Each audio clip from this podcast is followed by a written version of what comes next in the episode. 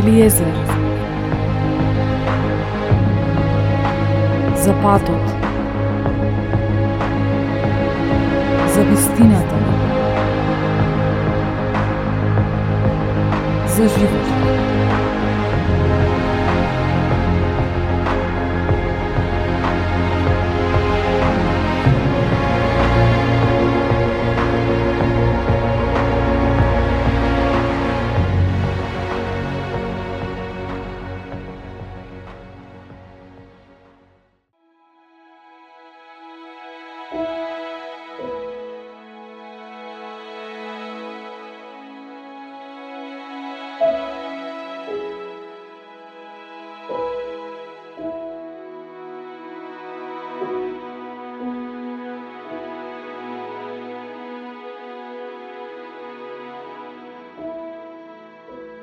Сенката од месечината паѓаше директно во собата на Оливер.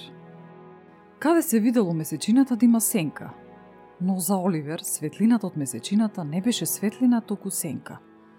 Ни тој не знаеше како, но ете, ја гледаше сенката од месечината која паѓаше на испрашената дрвена маса, натоварена со книги, празни, испишани и стуткани листови хартија. Ги прилепуваше образите на железните заштитни шипки од единствениот прозорец од неговата мала соба. Така олеснувачки мислејќи дека така ја ослонува својата душа за да се одмори малку. Се наслонуваше така тивко, спокојно дишејќи бавно. Со секој испуштен здив се доближуваше до месечината, која според него наликуваше на отворена книга – Не сакаше ни за миг да го оттргне својот поглед од таа книга. По цела ноќ, стаписано гледаше, како да сакаше да го запомне секој дел за да го има во својата меморија за оние, за него страотни денови без полна месечина. Оливер беше сам. Живееше сам. Ноќите не ги спиеше. Спиеше околу 3 часа дневно – Беше човек кој не сакаше да го дели своето време со други. Ја сакаше само својата мисла. За него се беше претворено во мисла. Реалноста да се состоеше од мисли, не од вистински случки и луѓе. Луѓето представуваа некој вид суштества и битија од сосем друг свет.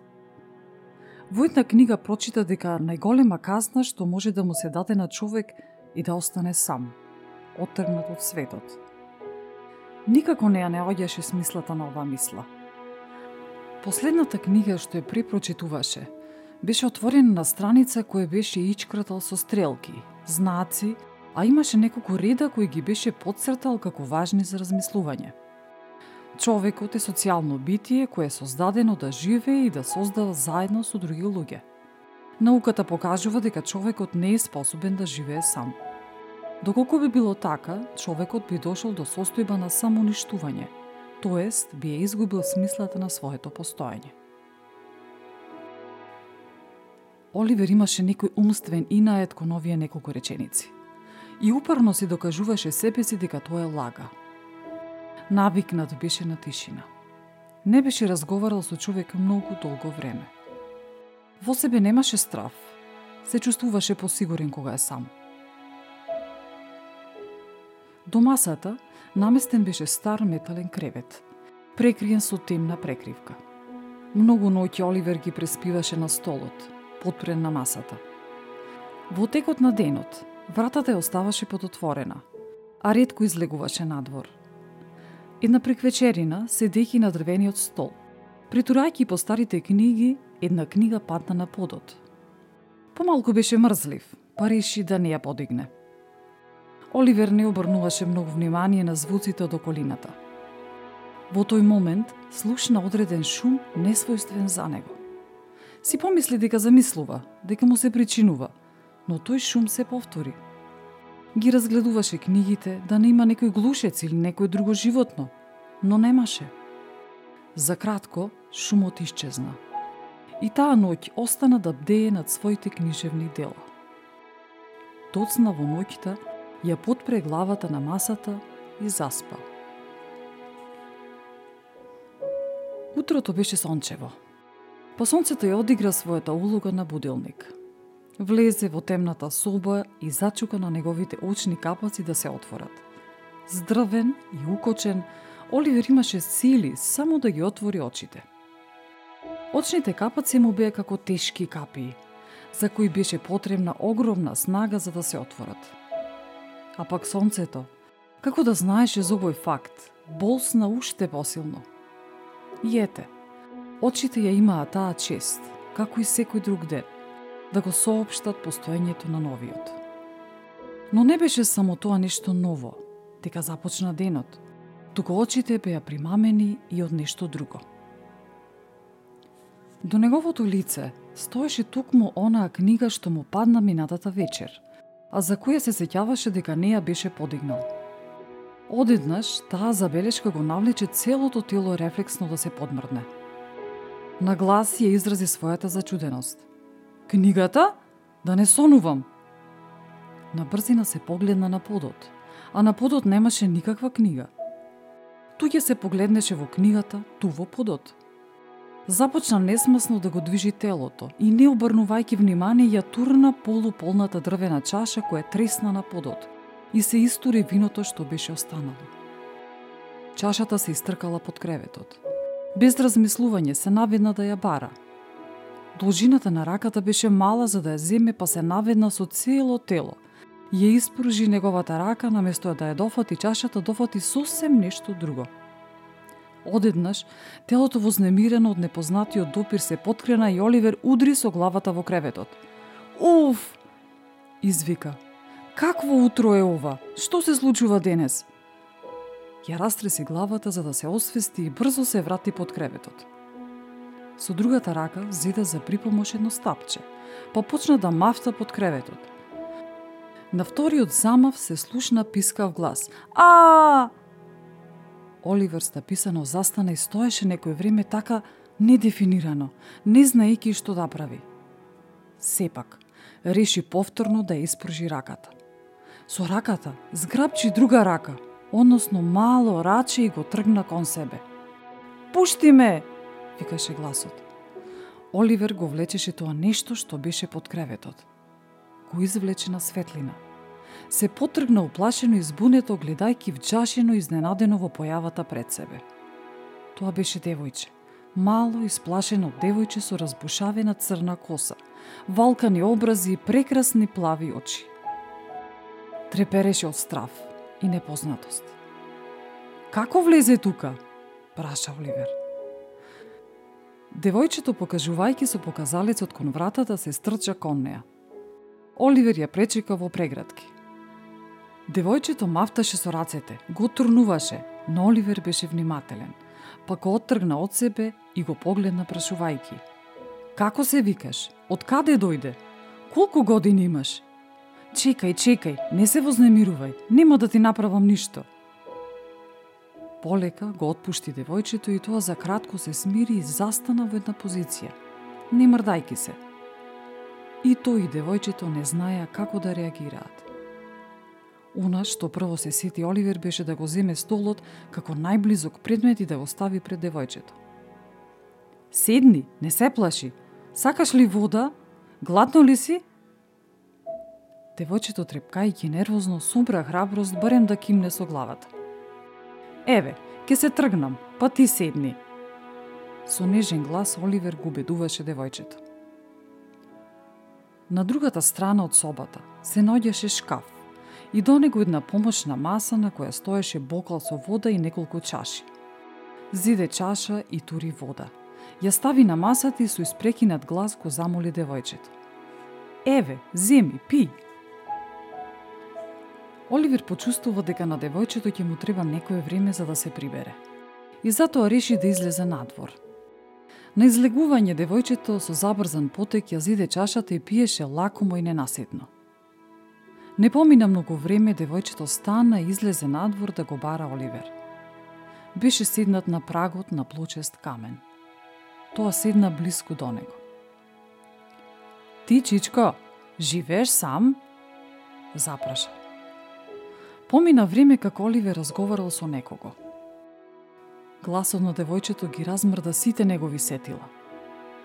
Заборавот го направил своето – го исклучи од многу нешта кои веќе станале непознатост. Несвесен за својот тажен поглед, Оливер одговори. Да, сам живеам. А од каде се најде ти овде? Далеко од населеното место. Родителите сигурно те бараат. Мене никој не ме бара. Јас не знам ништо. Не знам од каде сум, ни како се викам, одговори девојчето. Оливер се стави во голема дилема. Што ќе прави со девојчето? Ти гладен ли си? Запраша. Јас сум гладна. Оливер се чудеше каде исчезна стравот на девојчето, па и тој реши да зборува поопуштено.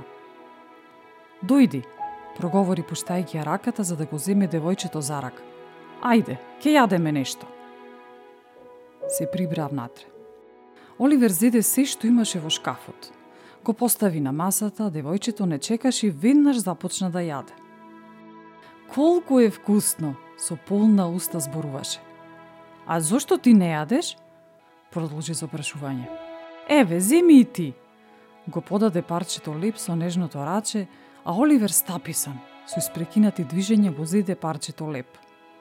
Го стави залакот во уста и заджвака полека. Девојчето започна да прави смешни гримаси, туткајќи го лебот во секакви форми.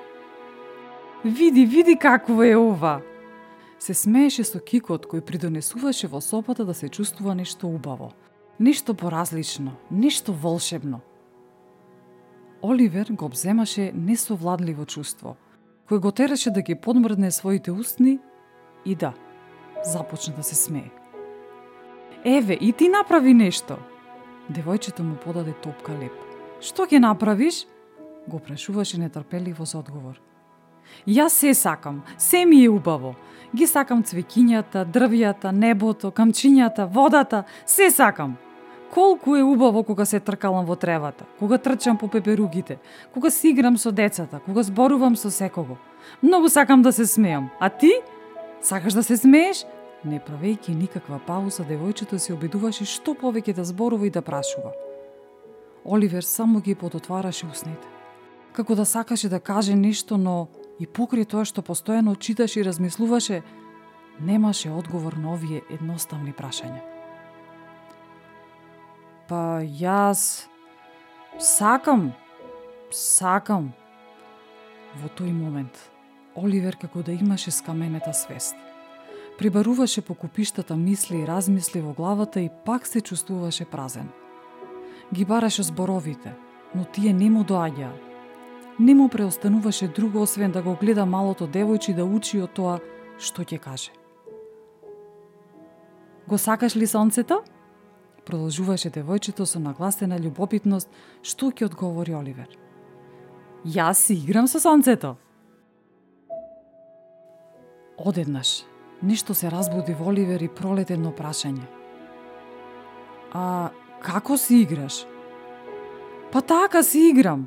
Го оставам да ме гали по образите, а тоа ми создава скокот. Ме тера да се смејам, да скокам и каде што оди тоа јас да одам по него. Тоа другарува со секого, сите ги буди, ги примамува да растат. Еве, јас растам! Зрачеше девојчето со восхит дека знае си за сонцето. А ти, Чичко, зошто си се затворил тука? Зошто си го затворил прозорецот? Сонцето не може да влезе и да другарува со нас. Со расширени зеници девојчето очекуваше одговор.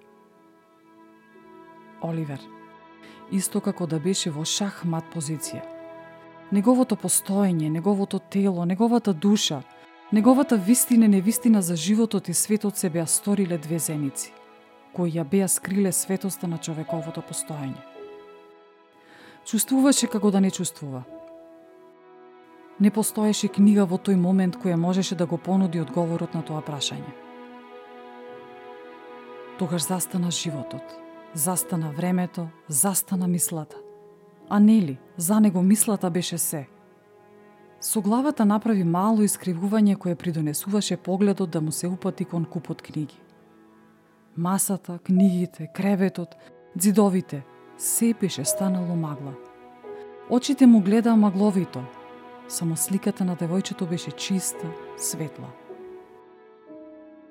Во таа неполна минута време, не се чувствуваше при себе. Само како оддалечина го слушна гласот на девојчето. Дојди, чичко, да ти покажам како си играм со сонцето. Почувствува нежен допир и несвесност за тоа како станува од столот и следи едно сосема непознато битие. Девојчето ја отвори закоравената дрвена врата. Сонцето болсна директно во неговото лице. Со страв ги отвараше неговите очи. Види, види, чичко, погледни! Со радост извикуваше девојчето. Оливер беше како слеп човек кој за прв пат погледува. Човек кој за прв пат го гледа животот, кој прв пат осознава. Човек кој за прв пат живее. За прв пат после толку години. Не ја гледаше веќе сенката на месечината, току светлината.